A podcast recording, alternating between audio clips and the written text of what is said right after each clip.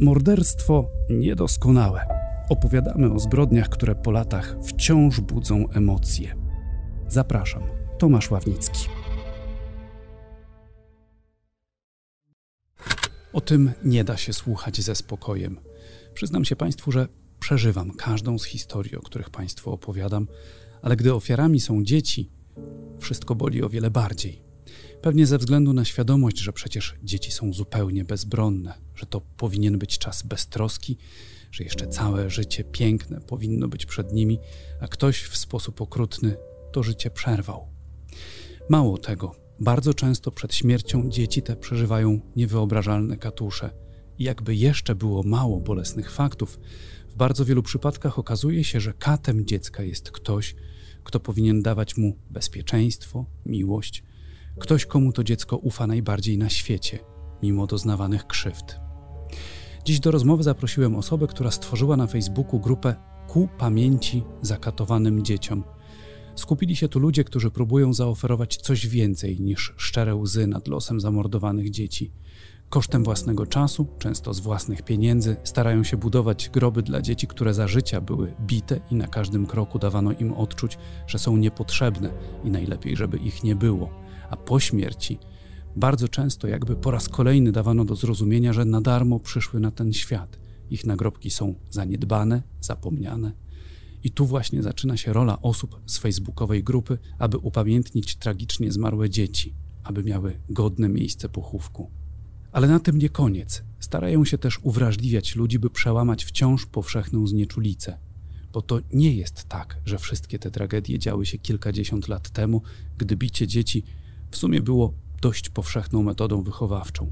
Dzieci były bite w domach, w szkole i nawet nie miały jak i komu się poskarżyć, bo przecież jak nauczyciel uderzył, to nie powie się o tym mamie, bo mama jeszcze dołoży. Skoro nauczyciel ukarał, to na pewno był powód. A i szkoła w jakieś tam problemy w domu się nie mieszała. Raczej prędzej dawała ciche przyzwolenie na gnębienie takiego ucznia także przez rówieśników. Niby sporo czasu minęło, niby wiele się zmieniło, ale jak się spojrzy w policyjne statystyki, w 2010 roku Komenda Główna z dumą donosiła. W ubiegłym roku policjanci w ramach realizacji procedury niebieskiej karty ujawnili ponad 41 tysięcy dzieci i młodzieży zagrożonych przemocą w rodzinie, w tym 27,5 tysiąca dzieci do 13 roku życia. To najmniejsza od 8 lat liczba zagrożonych przemocą dzieci, co pokazuje, jak skuteczne działania podejmuje policja w tym zakresie. Jeszcze 4 lata temu policjanci odnotowywali prawie 40 tysięcy tak małych ofiar przemocy. W 2012 roku nieco zmienił się system rejestracji statystyk związanych z przemocą domową, więc niektórych liczb porównać się nie da jeden do jednego, ale nadal są to co roku tysiące ofiar. Dokładnie w ubiegłym roku wszczęto prawie 55 tysięcy procedur w związku z założeniem tzw. Tak niebieskiej karty, Liczba osób, co do których istnieje podejrzenie, że są dotknięte przemocą, to prawie 76 tysięcy, z czego 55 tysięcy to kobiety, 9,5 tysiąca to mężczyźni i w gronie tym jest ponad 11 tysięcy dzieci. 11 tysięcy tylko jednego roku. A i tak przecież z roku na rok tych dzieci jest coraz mniej. W 2014 roku liczbę dzieci, które prawdopodobnie były ofiarami przemocy w policyjnych statystykach oszacowano na ponad 21 tysięcy. Czyli co? Jest dobrze? Nie jest, jest źle. Tu czas oddać głos Ewie Stawskiej, założycielce grupy Ku Pamięci Zakatowanym Dzieciom. Proszę powiedzieć, co sprawiło, że, że w ogóle zdecydowała się Pani założyć tę grupę Ku Pamięci Zakatowanym Dzieciom? Zupełnie przypadkowo trafiłam na artykuł poświęcony chłopcu, który miał 4 lata, miał na imię Oskarek Małgorzaciak już czytając ten artykuł musiałam przerywać, bo po prostu no, nie, byłam w stanie, nie byłam w stanie tego udźwignąć. Oskarek został bestialsko zamordowany, a jego ostatnie dwa lata życia to było pasmo nieustającego, potwornego, y, nieludzkiego cierpienia. Całość tej historii jest przerażająco okrutna i niezmiernie trudna myślę, że łamie serca na zawsze I, I, ja bardzo tą sprawę odchorowałam i podchodzę do niej bardzo osobiście. Czytając ten artykuł, nie byłam w stanie wyobrazić sobie tego, że, że to miało rzeczywiście miejsce i wykraczało to poza jakiekolwiek ramy mojej wyobraźni, mojego rozumowania. więc zaczęłam robić swój własny research. Po prostu nie mieściło mi się to w głowie. Później zobaczyłam zdjęcia tego chłopca, jego przebrzeżny smutek w oczach i po prostu złamało mi to serce osobiście. Także szczerze muszę powiedzieć, że byłam wręcz na skraju załamania nerwowego i bardzo odchorowałam tą sprawę i musiałam wziąć wolne wtedy w pracy, y, jakoś się uspokoić, dojść ze sobą do ładu. To jest też bolesne, bo wszystko to działo się za przyzwoleniem sąsiadów tego chłopca, za przyzwoleniem MOPS-u, który regularnie ich odwiedzał. Lekarz widział także Oskarka, y, w jakim jest stanie, ponieważ y, pewnego razu matka chłopca przyszła do szpitala, ponieważ konkubent złamał mu rączkę. Także wiele osób wiedziało i to jest w tym dramacie no, najokrutniejsze, że nikt mu nie pomógł, zdając sobie sprawę, co się dzieje i myślę, że to jest najgorsze i dla mnie totalnie niezrozumiałe. Także cały ten ból i żal chciałam przekuć na coś dobrego zaobserwowałam też, że dramat ten poruszył wiele innych osób. I tak powstała nasza grupa właśnie, której patronem został wspomniany Oskarek, bo to od niego wszystko się zaczęło. W późniejszym czasie już zaczęłam odwiedzać Oskarka. Będąc w Polsce do tej pory jest to zawsze nieodłączny plan mojego pobytu. W Piotrkowie Trybunalskim. W Piotrkowie Trybunalskim. Trybunalskim. Mhm, mhm. I też poznałam wszystkie ważne dla niego miejsca. Dotarłam do ludzi, którzy go znali. Chociaż też mi tam w to środowisko nie było łatwo, że tak powiem, wejść, bo to było dużo ludzi nieufnych. Chodziłam po tych miejscach po tych budynkach socjalnych, w których oni mieszkali. To jest jedna z najgorszych dzielnic właśnie w Piotrkowie. Nawet taksówkarz, jak nas wiózł, to mówił, że oj, czy panie wiedzą, gdzie się zapuszczają, w jaką dzielnicę. Dotarłam też do wielu e, informacji, które nigdzie nie były wcześniej publikowane i tak bardzo się zbliżyłam do tej sprawy. Jest, jest, mi szale, jest dla mnie szalenie bliska, także, także myślę, że to był główny powód, dlaczego, dlaczego zdecydowałam się na założenie takiej grupy. Po prostu to był też jakiś rodzaj terapii dla mnie samej, poznałam wiele osób, które równie mocno to przeżyły i wierzyłam gdzieś głęboko w sercu, że nagłaśniając tę historię, wiele osób zostawi sobie je w sercu i następny raz zareaguje, bo jednak zależy nam na załamaniu tej wszechobecnej wciąż znieczulicy społecznej.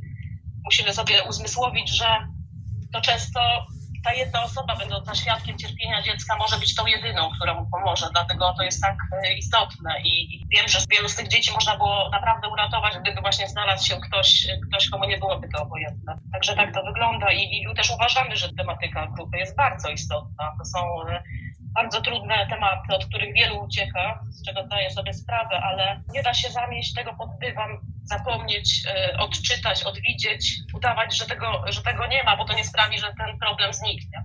W przypadku Oskarka tym głównym katem był konkubent matki. Jak to jest najczęściej? To jest właśnie matka, ojciec, konkubent. Kto, kto najczęściej jest tym głównym sprawcą? To jest różnie, z tym, że z moich obserwacji wynika, że najczęściej jest to zdecydowanie, zdecydowanie konkubent. Przy biednej matce, która pozwala na to, bo nie ma właściwej relacji z dzieckiem. To dziecko jest jej bardzo często zupełnie obojętne. Najczęściej taki mężczyzna mm, za intruza ubiera sobie właśnie chłopca, co jest ciekawe, syna swojej partnerki, który najwyraźniej mu przeszkadza, zabiera czas i uwagę matki. I mam wrażenie, że taki mężczyzna prowadzi jakoś sobie tylko znaną rywalizację z tym synem partnerki. No, w następnej kolejności powiedziałabym, że przemoc stosuje konkubent wraz z matką, a dopiero na, na, na szarym końcu będzie to biologiczny ojciec. Też warto dodać, że często przemoc przybiera u matki na sile, widząc, że konkubent sam ją stosuje.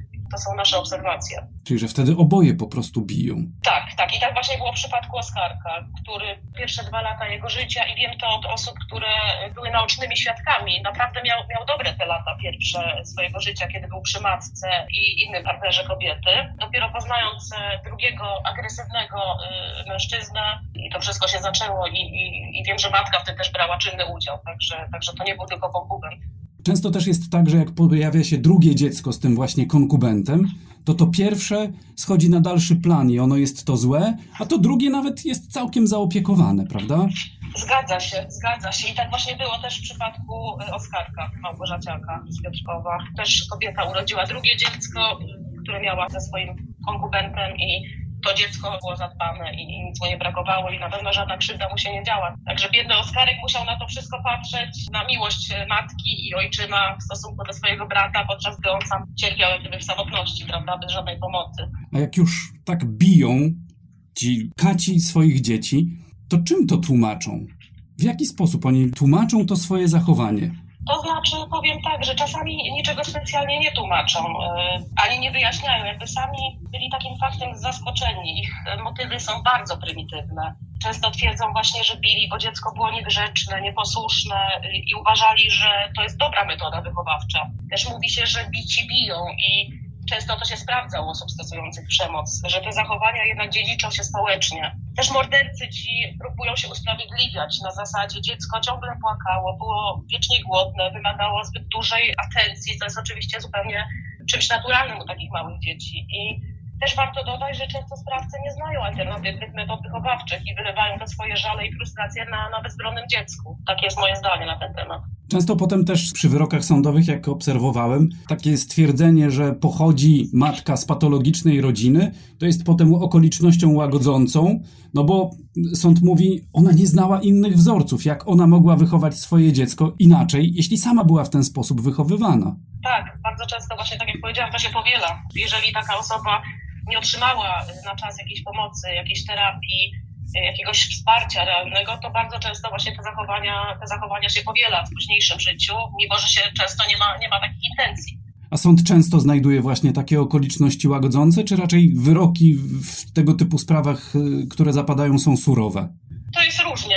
Ja uważam, że niestety jedynej słusznej kary w polskim orzecznictwie nie mamy.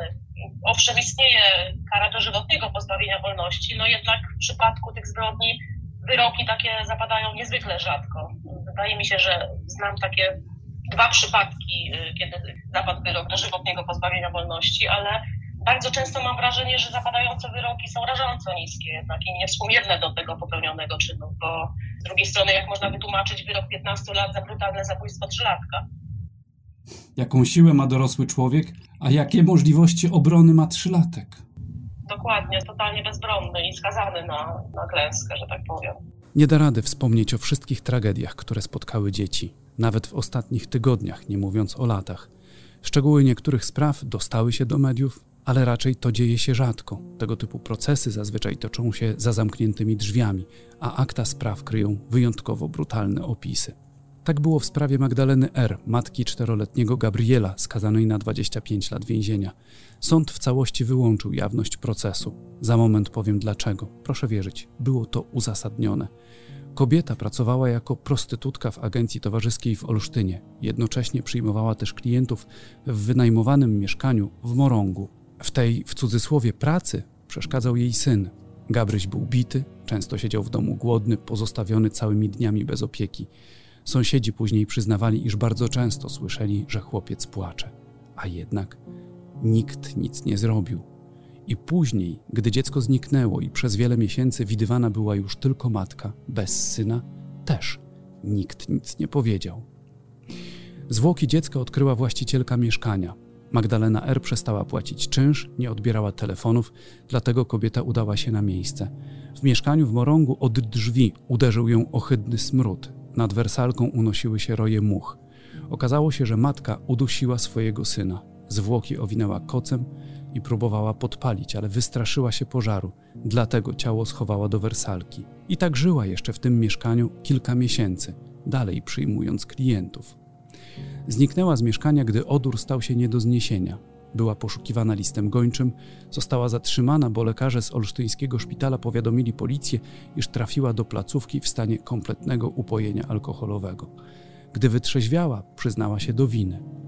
Super pisał, powołując się na nieoficjalne źródła, że podczas przesłuchań nie widać było po niej skruchy.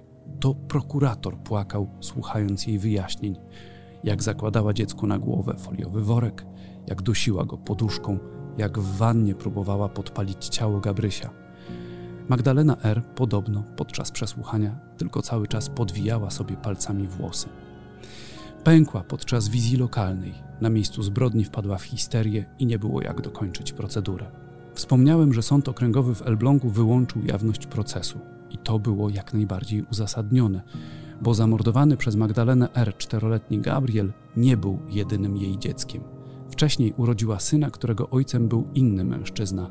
Została pozbawiona praw rodzicielskich, chłopcem zajęła się babcia. Gdy toczył się proces jego matki, miał już 10 lat. To utajnienie było więc jak najbardziej zrozumiałe. Ten wyrok zapadł w 2013 roku, zaraz minie 10 lat. Ale tego typu zbrodnie zdarzają się i dziś, i podobne procesy odbywają się cały czas. Zaledwie pod koniec marca zapadł wyrok Poznańskiego Sądu Okręgowego wobec Anity W. i jej konkubenta Martina K. Schodzieży. W chwili zbrodni ona miała 19 lat, on 20. Matką została mając lat 17. związek z ojcem dziecka nie przetrwał, dziewczyna związała się właśnie z Martinem.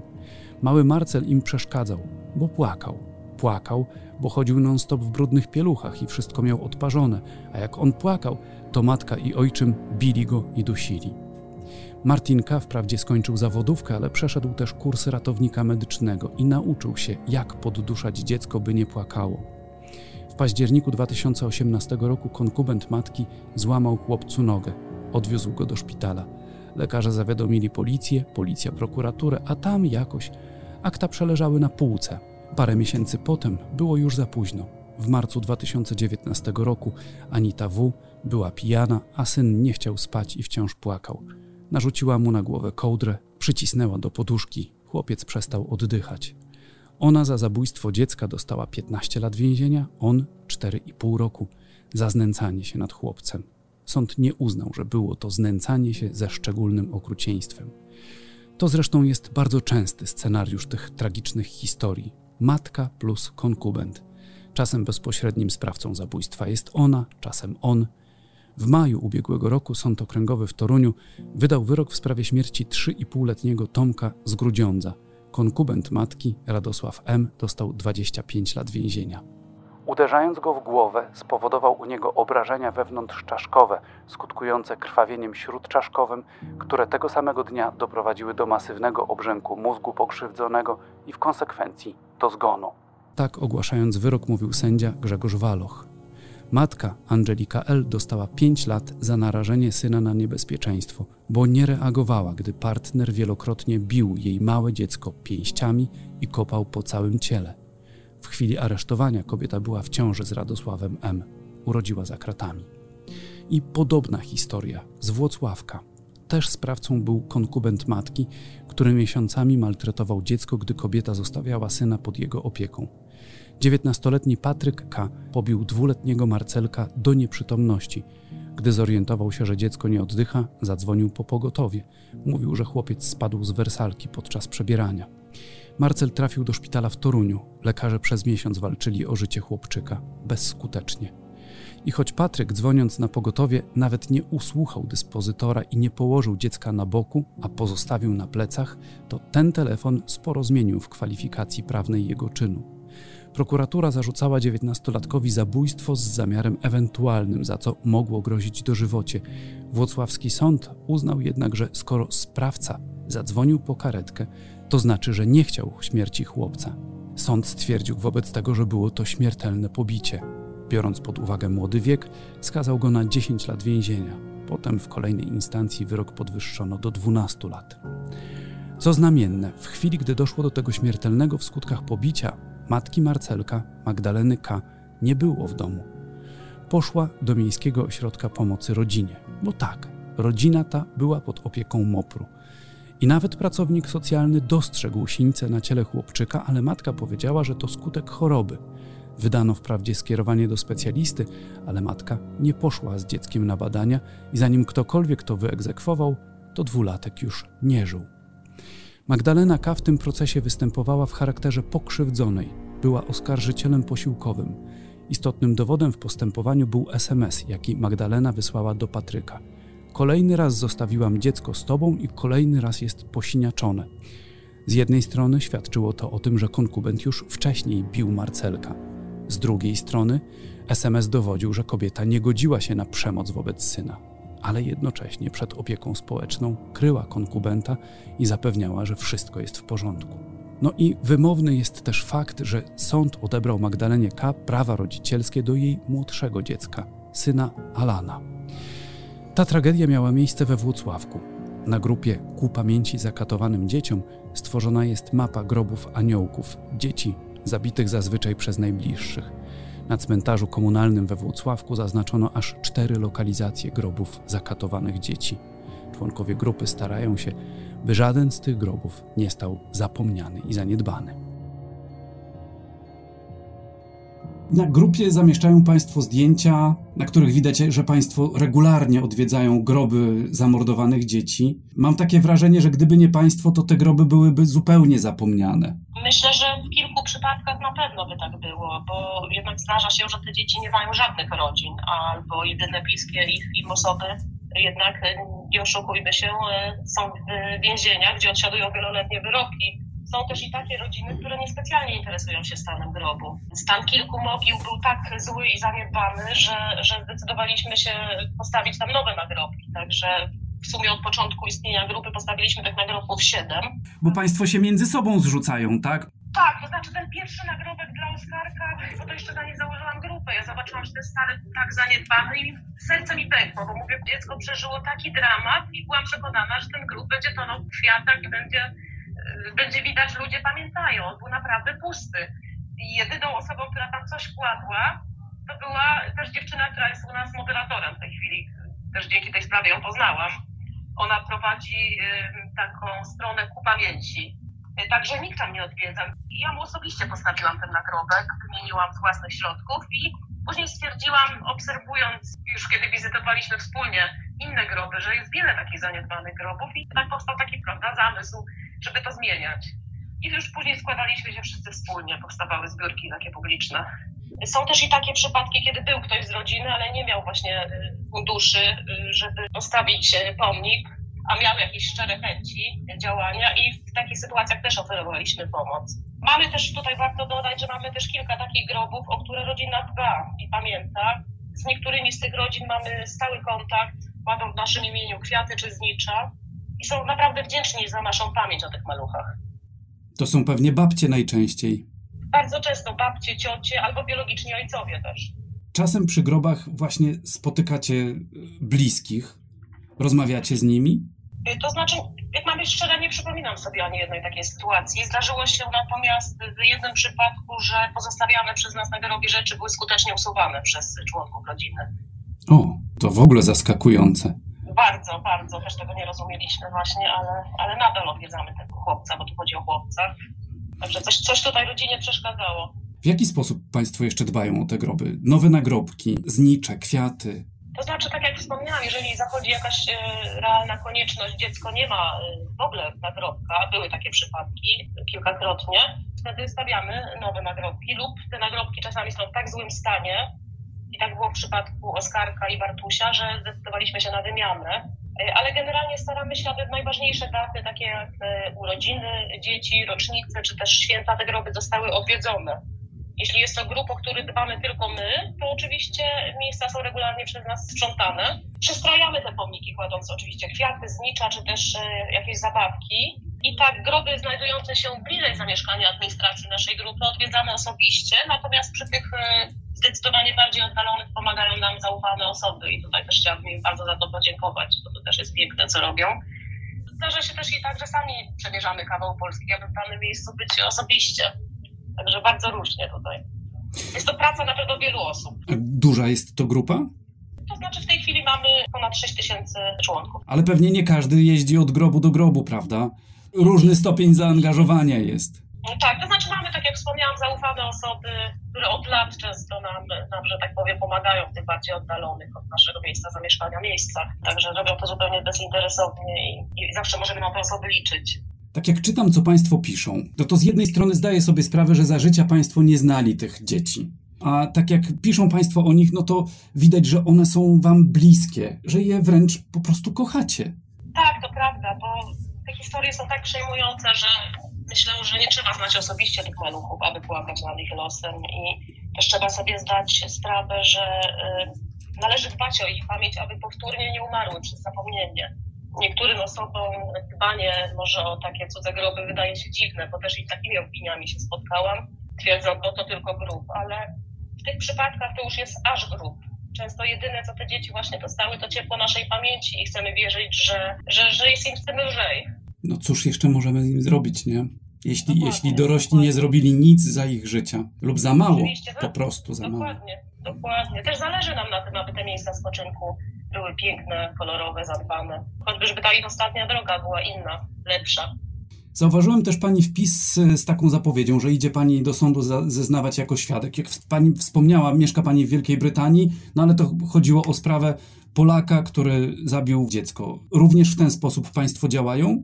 Tak, to była sprawa Polaka, który zabił też konkubenta matki, który zabił dziecko i, i to miało miejsce na terenie Wielkiej Brytanii. To znaczy sprawa jest cały czas w toku i, i myślę, że nie czas jeszcze o tym w tej chwili rozmawiać, ale generalnie tam, gdzie możemy pomóc, to staramy się to robić. E, też y, wielokrotnie pomagaliśmy takim osobom, które się do nas zgłaszały, bo miały jakieś niepokoje, y, prywatne niepokoje w sprawie jakichś dzieci, że, że coś im się może dziać, y, albo że coś się dzieje, że na pewno doświadczają przemocy, że nie wiedzą jak zareagować, gdzie pójść, gdzie uzyskać pomoc, albo też bały się to zrobić i, i prosiły nas tutaj o interwencję. Także wielotorowo działamy, staramy się robić, tak jak wspomniałam, tam gdzie możemy pomóc, to staramy się to robić. Przejrzałem policyjne statystyki. Niby wypada to optymistycznie, że z roku na rok ta skala przemocy wobec dzieci jest coraz mniejsza. Że kiedyś to było kilkadziesiąt tysięcy dzieci rocznie, teraz jest kilkanaście tysięcy. Ale mimo wszystko, no kilkanaście tysięcy to nadal jest bardzo dużo. Jak pani sądzi, co może zrobić państwo? Co możemy zrobić my, zwykli ludzie, by y, tych przypadków było coraz mniej? Czy należałoby zaostrzyć kary? Czy to ostrzejsze kary niewiele zmieniają? Czy bardziej y, skuteczne byłoby to, gdyby wszyscy ludzie reagowali, gdy słyszą płacz dziecka, gdy widzą coś niepokojącego? Uważam, że powinny zostać wdrożone wielopoziomowe działania tutaj w tym zakresie i, i faktycznie te statystyki pokazują spadek w zakresie przemocy dom, domowej wobec dzieci. Jednak nie wiem, czy te dane są rzeczywiście w pełni wiarygodne, bo jednak skala przemocy wobec dzieci w Polsce jest wciąż bardzo duża, bo też pozwoliłam sobie zajrzeć w statystyki i badania pokazują, że przemocy doświadcza ponad 20% dzieci.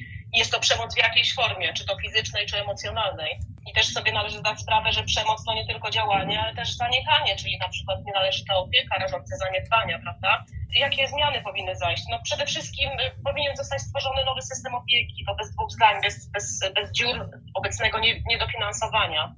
Wszelkie instytucje pomocowe powinny być też lepiej skoordynowane. Ten y, przepływ informacji powinien być bardziej płynny y, pomiędzy, pomiędzy poszczególnymi instytucjami. Co do wyroków, to, to z pewnością uważam, że powinny być surowsze, bezwzględne. Mm, bardzo ważną kwestią jest też to, że istnieje potrzeba rozwijania edukacji społecznej wśród rodziców, nauczycieli, pracowników socjalnych, czy też właśnie samych dzieci.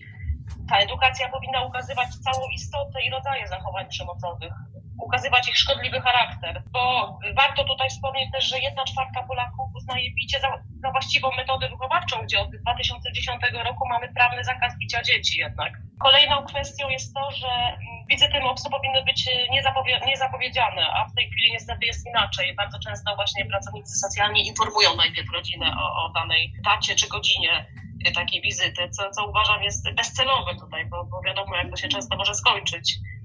I też powinny być kary za rażące zaniedbania dla pracowników socjalnych. Wyczytałam w raporcie na temat przemocy wobec dzieci, że Polska nie posiada krajowego programu na rzecz dzieci. W ogóle nie ma strategii przeciwdziałania przemocy wobec dzieci, nie ma cyklicznych badań społecznych i nie ma monitoringu skali tego problemu. Także Brakuje powszechnych programów wspierania umiejętności wychowawczych rodziców, co jest też szalenie istotne i tutaj te zmiany powinny nastąpić jak najszybciej. Myślę, że to też spowoduje y, spadek y, takich y, przestępstw w Polsce. I oczywiście najważniejsza rzecz, musimy reagować, każdy z nas. W tej chwili jak gdyby większość ludzi wie, że przemoc jest, wobec dzieci jest czymś złym, że nie wolno, ale jednak brakuje tego działania i często takie dzieci są pozostawione same, same sobie i umierają w wielkim cierpieniu i niezrozumieniu zamknięte w czterech ścianach swoich domów i to jest najbardziej smutne. A właśnie często to my, zwykli ludzie, sąsiedzi, y, przypadkowi świadkowie, możemy być tą jedyną osobą, która może tutaj pomóc i zareagować i, i uratować e, takie dziecko, wyrwać je z piekła. Tylko w którym momencie powinniśmy zareagować? Czy już takim sygnałem ostrzegawczym jest e, jakikolwiek pierwszy płacz za ścianą, czy wtedy, kiedy ten płacz jest regularny? A może jak już jest regularny, no to już jest za późno. A z kolei, no, dzieci płaczą, tak? Czasami coś wymuszają, czasem faktycznie, nie wiem, upadną same. Czasem są głodne, a czasem mają zły humor. Oczywiście, że tak, ale no, należy mieć oczy i uszy szeroko otwarte, że tak powiem. Jeżeli już słyszymy, że płacz jest regularny, do tego dochodzą jakieś krzyki, albo nie widzimy długo dziecka, to już są to sygnały, które powinny nas bardzo zaniepokoić. I też uważam, że warto zawsze, jeżeli mamy jakiś wewnętrzny niepokój, pójść zapukać do takiego sąsiada, zapytać, czy wszystko w porządku, czy nie potrzebuje pomocy, bo uważam, że ktoś, kto nie ma sobie nic do zarzucenia, nie będzie, nie będzie miał o to pretensji. Także lepiej, lepiej dmuchać na zimno w takich sytuacjach, ale faktycznie nie ma, nie ma jednej recepty tutaj na to, jak reagować i kiedy, bo, bo, bo to, to te wszystkie sprawy są różne. Ale reagować trzeba na pewno. A na koniec chciałbym Państwu przeczytać list zamieszczony na profilu ku pamięci zakatowanym dzieciom. Autorem listu jest dorosły dziś mężczyzna. Pisze on tak. Miałem piekło w szkole i w domu. Od czwartego roku życia do końca drugiej klasy podstawówki mieszkałem u babci, do której trafiłem nie umiejąc mówić, nie tolerując dotyku dorosłych, milczący i stroniący od innych dzieci. Sam pamiętam tylko cudowne dzieciństwo, miłość i poczucie bezpieczeństwa. W wakacje poprzedzające trzecią klasę wzięła mnie matka. Po kilku dniach pobytu, ni stąd, ni zowąd, kazała mi zdjąć spodnie i położyć się na tapczanie. Nie miałem pojęcia czemu. Pomyślałem, że może chcę zobaczyć, czy dobrze się podtarłem. Zrobiłem, co kazała. I nagle, w milisekundę, poczułem rozdzierający ból, który odebrał mi dech. Nie byłem w stanie pojąć, co się dzieje. Dostałem kilka uderzeń kablem od przedłużacza. Tak rozpoczął się mój ponad pięcioletni koszmar na ziemi. Chorobliwa pedantka. Pięć minut spóźnienia ze szkoły? Lanie. Zagięty róg podręcznika? Lanie. Dni bez bicia było tyle, że nie pamiętam tego wcale. Nienawidziłem zup mlecznych i kożuchów z mleka. Zmuszała mnie do jedzenia owsianki, którą w stu procentach zwracałem. Przegryzałem kaszę manną z kluchami i kożuchami. Nawet pomyśleć nie mogłem o tym, aby otworzyć lodówkę i coś z niej wziąć. Jej wnętrze ujrzałem dopiero wówczas, gdy miałem 15 lat. Zabawek miałem sztuk pięć. Gdy tylko zauważyła, że którąś lubię bardziej od innych, kazała mi ją oddać innemu dziecku, bo jak twierdziła, to nauka empatii i dzielenia się. Zacząłem się regularnie moczyć w nocy. Nie spamiętam, ile ich spędziłem w wannie, bez prześcieradła, przykrycia i w zasikanej piżamie. Z lubością mówiła do swoich koleżanek, przy mnie, o tym, jaki jestem tępy, zły, zepsuty, leniwy i zakłamany. Nieudolnie, ale szybko zacząłem kłamać w rozpaczliwej próbie samoobrony. Dwa razy się zbuntowałem. Zimą w piątej klasie odmówiłem włożenia grubych wełnianych rajstop. Zrobił mi się od nich liszaj na nodze. Byłem i jestem uczulony na wełnę i przeżywałem przez to niewyobrażalne tortury. Stwierdziła, że skoro tak, to mam sobie sam kupować ubrania i buty i to, co potrzebne do szkoły. Nigdy więcej nie wydała na te rzeczy złotówki. Zbierałem butelki i makulaturę, trochę dorzucał ojciec, trochę babcia. Drugi raz zbuntowałem się i powiedziałem mama, a nie mamusia. Raz tylko tak powiedziałem. I raz tylko dostałem w twarz, aż się wywróciłem, zalany krwią. Średnio byłem bity dwa razy dziennie, kablem albo specjalnie do tego przeznaczonym skórzanym paskiem, zawsze w goły zad. Obrywały też nogi, gdy wiłem się z bólu. Potrafiła powiedzieć rano: Później sobie porozmawiamy, co było równoznaczne z biciem, a lanie dostawałem późnym wieczorem. Mam dyskalkulię. W szkole miałem piekło od rówieśników i nauczycieli. Bity, wyzywany, poniżany, wyszydzany przez nauczycieli. Nikt nie chciał się ze mną kolegować. Kiedy chorowałem, to wychowawczyni musiała wskazać ucznia, który miał mi pożyczyć zeszyty do uzupełnienia, bo nikt nie chciał z własnej woli. Uciekałem z domu, gdy cykl przemocy tak eskalował, iż bałem się, że naprawdę zatłucze mnie już na śmierć. Uciekałem do lasu. Raz spędziłem w nim cały wrzesień, chodząc do szkoły, bo tam miałem obiady i prysznic. Szkołę matka miała w dupie, a że miałem 20% frekwencję, to nikt nie wpadł na pomysł, że jestem na gigancie. Osiągnąłem swoją najwyższą frekwencję wtedy. Mieszkałem w bloku, gdzie było pięć klatek. Mieszkała tam większość nauczycieli, którzy mnie uczyli. W mojej klatce, dwa piętra pode mną, chemica. Na parterze trener WF-u.